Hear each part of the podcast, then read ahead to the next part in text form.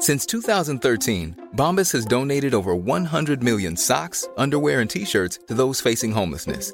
If we counted those on air, this ad would last over 1,157 days. But if we counted the time it takes to make a donation possible, it would take just a few clicks. Because every time you make a purchase, Bombas donates an item to someone who needs it.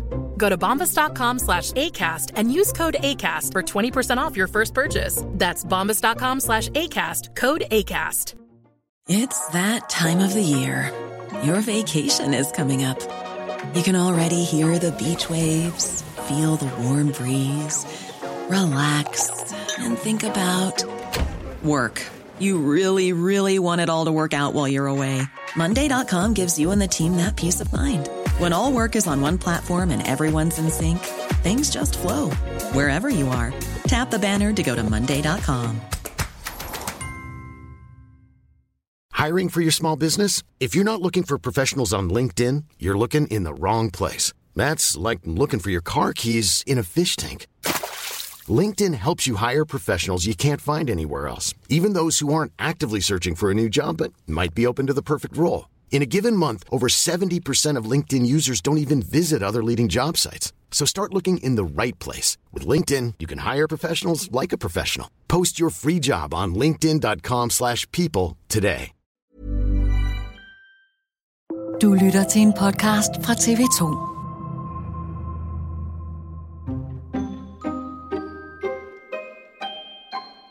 Hvis nu kong Frederik stillede op til et interview, hvad vil du så spørge ham om? Jeg vil faktisk bare stille et spørgsmål. Hvordan går de egentlig og har det? Altså, og det er fordi, jeg mener, der er en tid til alt. Hvis jeg fik mulighed for at sætte mig ned, så det første spørgsmål, jeg ville stille, var ikke, hvad, hvad lavede de i Madrid? Altså, det, det ville jo ødelægge muligheden for at få en god eftermiddag til at gå. Jeg vil bare egentlig godt spørge, hvordan går de egentlig og har det? Hvad er det her for noget? Altså, hvad skal vi med monarkiet? Og så vil jeg gerne høre hans betragtninger om det. Det synes jeg er meget relevant.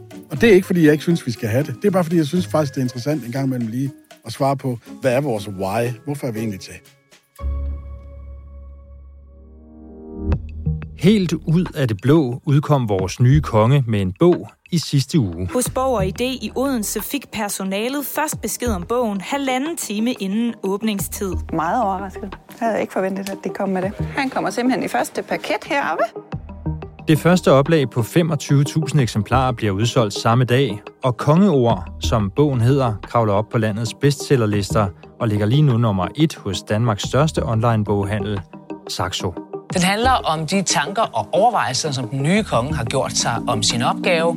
Men hvad forklarer kong Frederik om sit nye job på de 109 sider, og hvilke spørgsmål mangler vi stadigvæk svar på? Det er dato i dag. Mit navn er Lasse Sjørslev.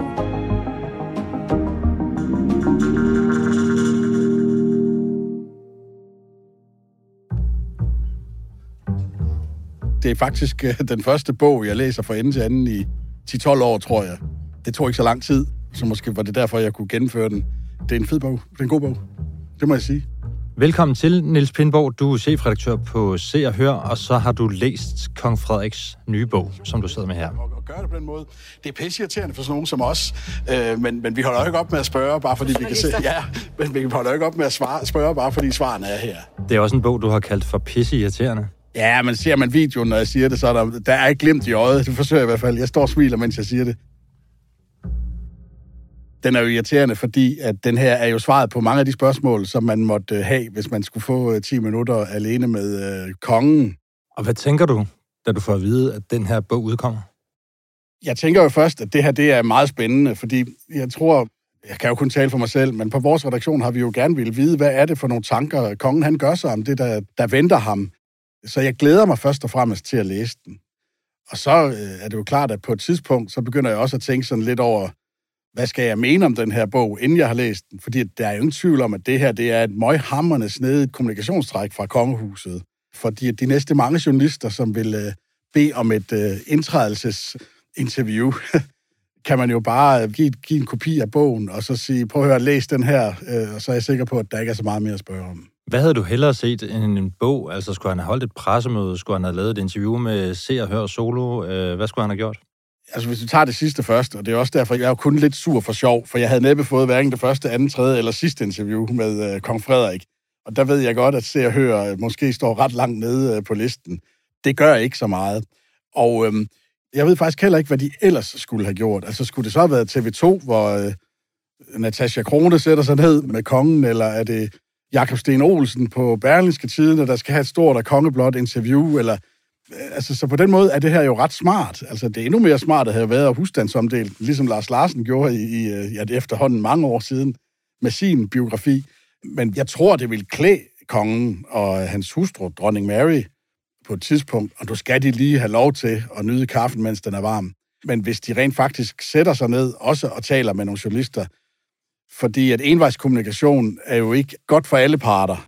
Der er jo spørgsmål, opfølgningsspørgsmål, som man øh, sidder tilbage med, når man har læst bogen, som jeg synes, øh, offentligheden også har interesse i at, at høre. Med det sagt, så er der jo en tid til alt, og øh, nu er medierne blevet skudt i skoene i et par uger om, at man har læflet for kongehuset. Yes, yes, men så lad os lige læfle et par uger. Vi må ikke glemme, at vi har en kritisk rolle, men det er jo ikke, mens folk står og klapper ned på Slotspladsen, at de er interesserede i at høre, hvad lavede kongen der, hvad mener dronningen om det, og de spørgsmål skal nok komme. Kongehuset øh, smed i dag endnu en bombe, nemlig øh, den her bog, øh, Kongeord. Tre dage efter tronskiftet udkommer kong Frederiks nye bog Kongeord til stor overraskelse. Den digitale boghandel Saxo fortæller, at de tidligere i dag solgte i omegnen af 25 bøger i minuttet, og at det med afstand er den bog i Saxos historie, som har solgt flest eksemplarer på udgivelsesdagen. Bogen bliver revet væk på rekordtid, og anden, tredje og fjerde oplag er allerede bestilt. Kongeord er skrevet af forfatter Jens Andersen, som i 2017 skrev portrætbogen Under bjælken, da kong Frederik stadigvæk var kronprins. En bog, der i øvrigt er Saxos næstbedst sælgende bog, og som igen er at finde på bestsellerlisterne. Bogen er jo øh, lækker. Forsiden er sådan kraftig og meget taktil, og man kan mærke, at øh, ordene er præget. Når man åbner den, så vil man opdage 110 sider. Det er ikke meget. Man vil også opdage, at de har brugt alle de tricks, som man øh, brugte i folkeskolen for at få en stil til at fylde, nemlig øh, store bogstaver, utrolig store øh, linjeafstand og ufatteligt mange afsnit. Den kunne nok i en papirknap tilværelse være øh, komprimeret til halvdelen, den her. Men det skal være lidt øh, flot, når det er royalt. Og den er flot og dejlig at, at røre ved. Og så synes jeg faktisk, at det er en god bog. Det synes jeg bare. Og det, du sidder med der, er det en bog eller en brochure? Nu er jeg jo selv i bladbranchen, og jeg ved, når noget det er sådan hårdt indbundet og har øh, hård ryg, så hedder det en bog. Men det er jo et partiprogram. Det er jo sådan en erklæring om, hvad han vil med sin tid. Men det er også meget mere end det. Altså, det er et glimrende indblik i kong Frederiks øh, sådan tankerækker, som man ikke rigtigt har fået på den her måde serveret før. Og nu kan vi jo kun øh, gætte, men hvad tror du, kong Frederik vil med den her bog? Jamen, jeg tror, der er flere dele i det. Altså, jeg tror rent faktisk, han har et ønske om at komme ud og fortælle, at han bliver kongen på sin egen måde. Og så tror jeg også, han har, håber, han har et ønske om at komme ud og fortælle, at han er andet og mere end en, øh, en fuld kronprins på Skanderborg, eller en lidt forvirret kronprins med en rullekuffert i Madrid. Altså, der er mere i, øh, i ham nu, hvor han skal være konge, for ligesom også at berolige os og sige, jeg er klar. Jeg er fuldstændig overbevist om, at han også vil købe tid og det er jo ærgerligt, hvis det er hans sådan egen opfattelse eller mangel på at kunne kommunikere præcist og skarpt og med svære ord og sådan noget, som skal bremse, at han kan få en direkte tale til folket, også gennem pressen. Og han bliver aldrig nogen stor taler. Det tror jeg sådan set, danskerne er ligeglade med. Der vil altid være en, to, tre, fire sure journalister, som siger, at så faldt han i ordene og snublede og sådan noget. Men danskerne som sådan, de vil jo bare gerne se deres øh, konge tale og høre, hvad han har på hjerte. Og så kan man jo skrue ned for antallet af fremmedord når jeg begynder sådan at tale i mange stavelser, så snubler jeg jo også. Men det kommer jo ikke flov eller noget som helst. Jeg stiller op alligevel. Og nu har du så læst den her bog her. Hvad skriver han om øh, sit nye job? Altså, hvordan han vil gribe det andet at være konge af Danmark? Det bliver straks lidt mindre konkret, når det handler om, hvordan han vil øh, varetage rollen. Altså, han siger jo, at han kommer til at gøre det på sin egen måde. Man kan vel ikke forvente meget andet. Øh, han er hverken sin mor eller sin morfar det mest påfaldende er jo, altså, vi har jo set faktisk øh, igennem de senere år, hvordan øh, nu kongen og dronningen Frederik og Mary har trukket deres interesser i en retning, som var måske en lille bitte smule mere politiseret. Altså, det kan være noget klima og kønskamp og, og den slags. Ikke fordi det ikke er vigtigt, men det er jo sådan noget, der kan splitte. Og det skriver han, det, det vil han blive ved med. Og øh, det betyder jo mindre dekopage end dronningen, og, og, og jeg tror til den næste tronskifte er jeg heller ikke sikker på, at det er Frederik, der har designet biskoppernes dragter, for eksempel. Altså, det, det kan da godt være. Det, det vil faktisk være sjovt, tænker jeg. Kan de komme? Ja, jeg ved ikke engang, hvordan det, den slags vil se ud. Så det er jo en helt anden måde at gøre det på.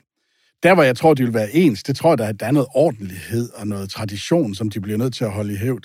Men, men Frederiks interesser bliver jo aldrig uh, Tollundmanden og Mosgaard-samlingen. Det vil jo være uh, uh, rockmusik og sport.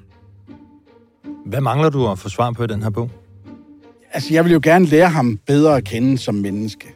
Jeg tror sådan set godt, at danskerne kan uh, holde til uh, at lære uh, kongehuset at kende, også sådan lidt mere for de lidt mere sårbare sider.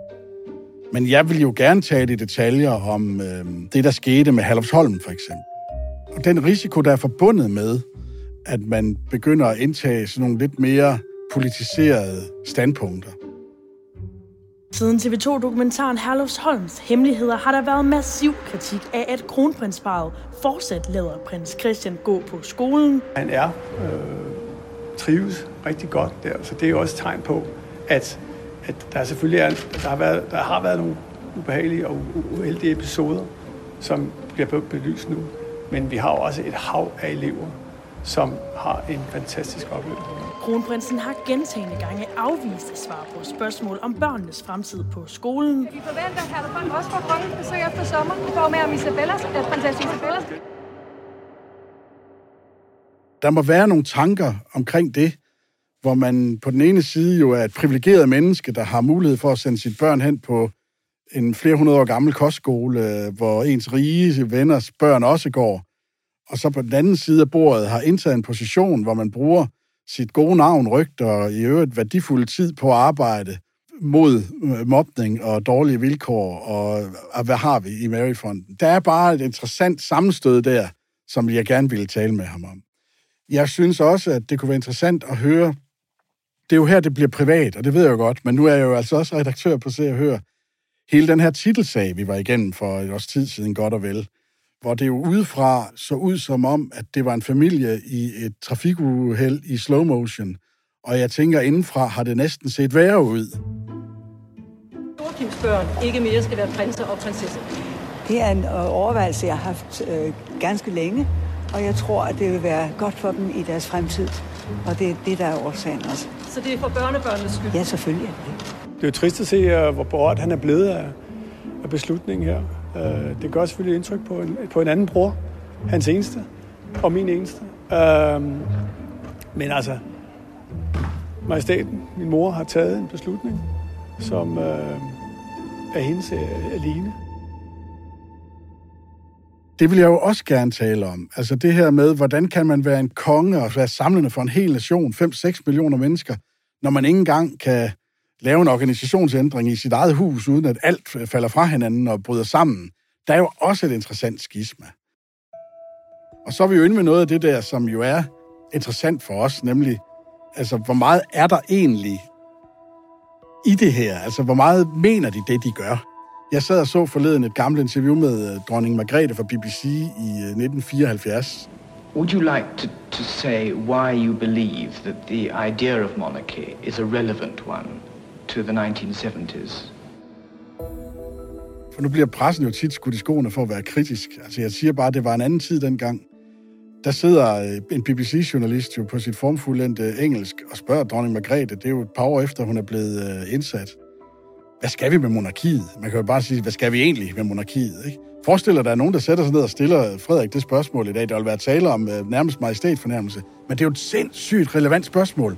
I would prefer to turn it round and say that as long as, as I'm doing my job as well as I can, and that as long as the best I can do is good enough, then it is relevant, and it will be relevant. Der behøver jo ikke være et indbygget lugt lortet i det spørgsmål. Det er jo bare, hvad er det for nogle tanker, man har gjort sig omkring den her rolle og den funktion og det her hus. Det vil jeg gerne tale med ham om også.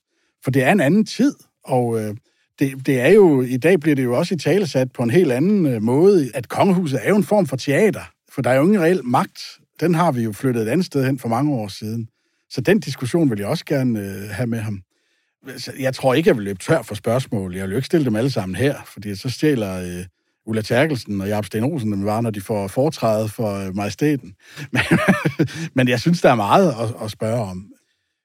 Også fordi, at kongen øh, har snublet lidt igennem øh, sit liv. Altså, det er jo ikke mange år siden, han stod og var allige stiv på øh, Skanderborg Festivalen. Altså, hvad er det for noget? Er det en opførsel, man kan have, når man har den position? Det vil jeg jo gerne tale med ham om også. Kan det noget, vi kan forvente af ham igen? jeg synes, der er mange temaer. Men når nu du har alle de øh, kritiske spørgsmål på bloggen, du faktisk godt kunne tænke dig at spørge, udover dem, du får svar på i bogen, er det så egentlig ikke set fra kongehusets side meget klart, at de ikke har lyst til at stille op på et eller andet pressemøde og blive ristet af alle mulige journalister, der vil have svar på alt muligt. Jo, jo, og det er jo også det, man, men nu skal man jo heller ikke kun være kritisk for sjov. Altså, det her vil jeg jo ikke råbe efter ham på et pressemøde. Det ville jo være, hvis jeg fik mulighed for at lære ham bedre at kende. Så de her spørgsmål, jeg vil stille, de er mere egnet til at sidde med en kop kaffe med underkop og sige, okay, kong Frederik, hvad så? Hvad vil du egentlig med det hele? Ikke? Altså, men der vil jo være andre sådan nedslag, hvor kongen ikke kan flygte. For eksempel i forbindelse med Herlufsholm, hvor der var en smule tavshed. Og det dur jo ikke. Og der er jo, der er jo stadigvæk øh, sådan, for mit eget sådan lille, min egen lille Hassan, det er, jeg undrer mig jo stadigvæk over, hvad han lavede i Madrid i øh, efteråret. Øh, og vi har jo ikke rigtig fået et svar. Den, den lukker jo ikke ned, fordi han er blevet konge. Så man kan bare ikke, altså man kan lukke munden på den slags i et stykke tid, og det gør bogen fint. Men den kan bare ikke lukke det for evigt. Så de skal jo have en eller anden form for kommunikation klar. Anmeldelserne falder hurtigt efter udgivelsen. Bogen modtager stjerner i den høje ende af skalaen, men bliver samtidig kaldt for et stykke magtretorik i politikken og et propagandaprodukt af Berlingske. Føler du, at det vil være slut med kritiske spørgsmål? Det kan det meget vel være, og det er et Men... problem, synes jeg, fordi øh, kongehuset trods alt har en øh, kæmpe magt i vores samfund. Og de koster trods alt 450 millioner kroner, hvis vi lægger det hele sammen. Flere mediechefer og royale kommentatorer er enige om, at bogen ikke levner plads til kritiske spørgsmål til kongen. Kongehusets informationschef Lene Balleby, hun har også selv varslet, at fremtiden vil byde på mindre adgang til de kongelige. Hvad synes du sådan helt overordnet set om den linje, som øh, kongehuset har lagt omkring øh, kommunikationen i forbindelse med den her bog? Bogen er en glimrende indføring i øh, det tankegods, som øh, kong Frederik tager med sig på første dag på arbejde. Hvis den også er en lukket dør i forhold til, at en øh, ikke bare kritisk, men også begejstret presse får adgang til, øh, til kongen, så er det bekymrende. Hvad siger det om kongehuset, at de har lagt den strategi? Jeg tror, den primære årsag til, at man vil lukke sig mere, det handler om, at øh, det er mit indtryk, at kongen og dronningen er utrygge ved at øh, stå frem og det synes jeg er ærgerligt. Så synes jeg, de skal lytte til deres egen søn, prins Christian, som jo talte om det uperfekte menneske, da han øh, holdt det tale til sin 18-års fødselsdag, om det her med at prøve at gøre sit bedste. Og så skal de vide, hvor meget både medierne og befolkningen vil bære dem igennem. Vi vil bare gerne høre, hvad de mener om ting. Hvordan, hvis du skal sådan sætte det lidt op historisk, hvordan har øh, kongeparets måde at kommunikere på så adskilt sig fra den måde, dronning Margrethe og prins Henrik gjorde det på? Vi sad og diskuterede på redaktionen, øh, hvor, hvor mange sådan dybe interviews vi kan huske med øh, kronprinsen og dronning Mary. Og for Marys vedkommende har der været et eller andet i alt for damerne, var der nogen, der sagde. Og der var også noget i forbindelse med kongens 50-års fødselsdag. Og øh, ellers er det jo ikke sådan, at vi på den måde har haft adgang til dem, enten øh, hvis ved mållinjen til Royal Run, eller, øh, eller hvis man var med dem i Indien på en erhvervsdelegation. Helt anderledes har det jo været tidligere med dronning Margrethe og prins Henri, som jo øh, i mange år havde en øh, storslået vane om at øh, invitere pressen ned til øh, Chateau Caux nede i Frankrig, til det skønne slot. Vi har jo mødt hende, som de er godt klar, klar over, og sætter stor pris på hende. Prins Henrik, hvad synes I om kronprinsens kæreste? Sidste sommer sagde de, at de havde kun set billeder af hende, hun så godt ud, og de, de ville da gerne træffe hende. Jo, jo, jeg har truffet øh, hende. Uh, hun er et år ældre, men stadigvæk smuk. hvornår, hvornår bliver der forlovelse? Det skal de nok få at vide, hvis der, sker, når der, hvis der sker noget. Hvis der er noget at fortælle, så skal de nok få det at vide. Men vi fortæller det ikke i utide. Jeg kan ikke svare på alle spørgsmål. Ja, det er klart, det er helt klart. Men det... Selvom de ikke kan svare Nu må de altså ja. ikke vride mere ud af mig, selvom det er varmt. hvor man jo oplevede nogle sådan halvsjove seancer. Jeg lige vil sige dronningen i joggingtøj, det har man nok aldrig set, men sådan utroligt afslappet regentpar. Og det er jo nogle sådan af de skønneste billeder, der findes. Det er jo øh, prins Henrik i en øh, alt for stor hørskjorte, øh, altså øh, lidt ligesom vi selv tager på, når vi er på ferie i Sydfrankrig, ikke? Og dronningen i sarte farver og, og stråhat. Men hvis nu de er inviteret til det, vil Se og Hør for eksempel så ikke komme rendende med alle mulige meget irriterende spørgsmål, for eksempel om Madrid og alt muligt andet, og derfor så har de måske ikke så meget lyst til det? Jo, det vil vi nok, vi vil også komme med alle mulige andre spørgsmål. Altså, vi er jo ikke sat i verden for at ødelægge den øh, gode stemning, men vi er heller ikke sat i verden for at skabe den gode stemning. Det må folk ligesom selv klare. Men tror du ikke også, at medierne dengang var lidt mere respektfulde, end de er i dag? Også omkring for eksempel, at de har ret til et privatliv? Ja, ja og nej. Øh, fordi jeg synes jo faktisk, at mit eksempel med øh, BBC-journalistens spørgsmål til øh, monarken i 1974, hvad skal vi med monarkiet, er et meget kritisk spørgsmål. Altså, der er jo en indbygget kritik, og, og udover, der er selvfølgelig også en... Nej, det er det ikke. Det er det ikke. Og det er rigtigt nok. Der har medierne jo flyttet sig uendeligt meget. Men der er jo også noget i den måde, folk agerer i offentligheden, som har ændret sig. Politikere, som jo bruger privatsfæren som springbræt til popularitet på sociale medier og den slags. Og det åbner jo en ladeport for, hvor, hvor meget må vi egentlig interessere os. Den forventning tror jeg egentlig også, at danskerne har i et omfang i forhold til kongefamilien. Og som du siger, så øh, kan det her godt tydes som om, at de vil tage mere ejerskab over kommunikationen, der kommer ud fra kongehuset. Hvis det holder, hvorfor er det så et problem? Jeg tror, med tiden kan det blive et øh, problem for, for kongehuset. Altså for ting, der lukker sig om sig selv, vokser sjældent. Og vi skal jo gerne have det her til at vokse. Uh, og vi skal gerne have den her popularitet til at fortsætte. Jeg er jo kæmpe fan af kongehuset, og folk tror gerne tit det, det modsatte. Om jeg er royalist, monarkist, det ved jeg ikke, men jeg synes, det, det, jeg synes, det er en fed institution. Jeg nyder at følge dem. Men den popularitet skal jo også være stor om 10, 20 og 30 år. Og der tror jeg bare, at for at bevare den relevans hos, lad os kalde dem unge kongehusbrugere, hvis man kan forflade det så meget, så, så skal der en anden interaktion til, end øh, den, man har været vant til. Øh, og den kan ikke kun komme i envejskommunikation. Når det er et problem for pressen, så er det fordi, der kan jo godt opstå situationer, hvor der rent faktisk er relevante sager, som man bliver nødt til at stille kritiske spørgsmål til. Altså, jeg synes jo, det er fuldstændig legitimt, når Ekstrabladet spørger, hvordan kan du på den ene side være klimakonge, og så samtidig ligge og flyve frem og tilbage øh, i helikopter til Aarhus, og mens din bil bliver kørt over øh, øh, på motorvejen. Man må jo vide, at det spørgsmål kommer, så man må jo have et svar klar.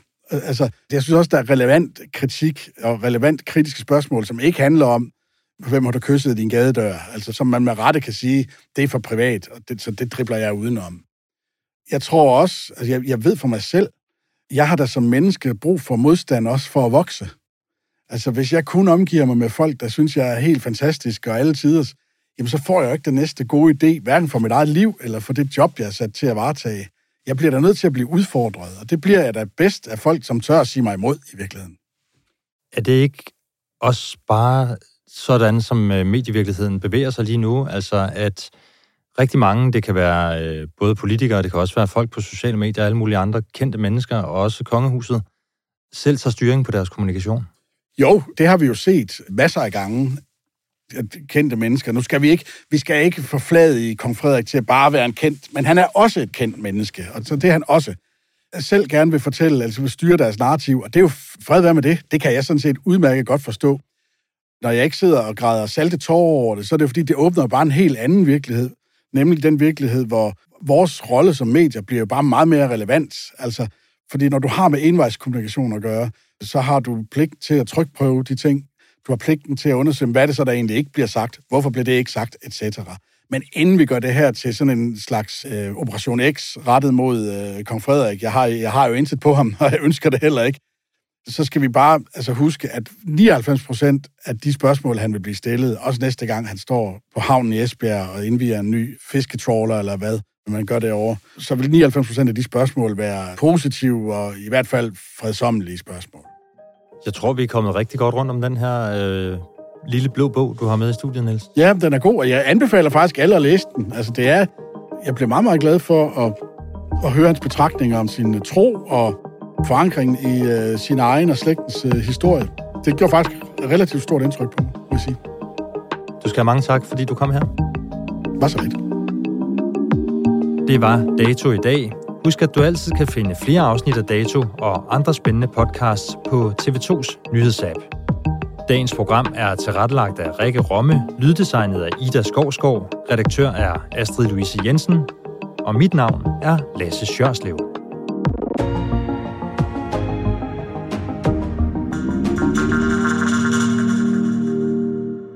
Lyttet til en podcast fra TV2.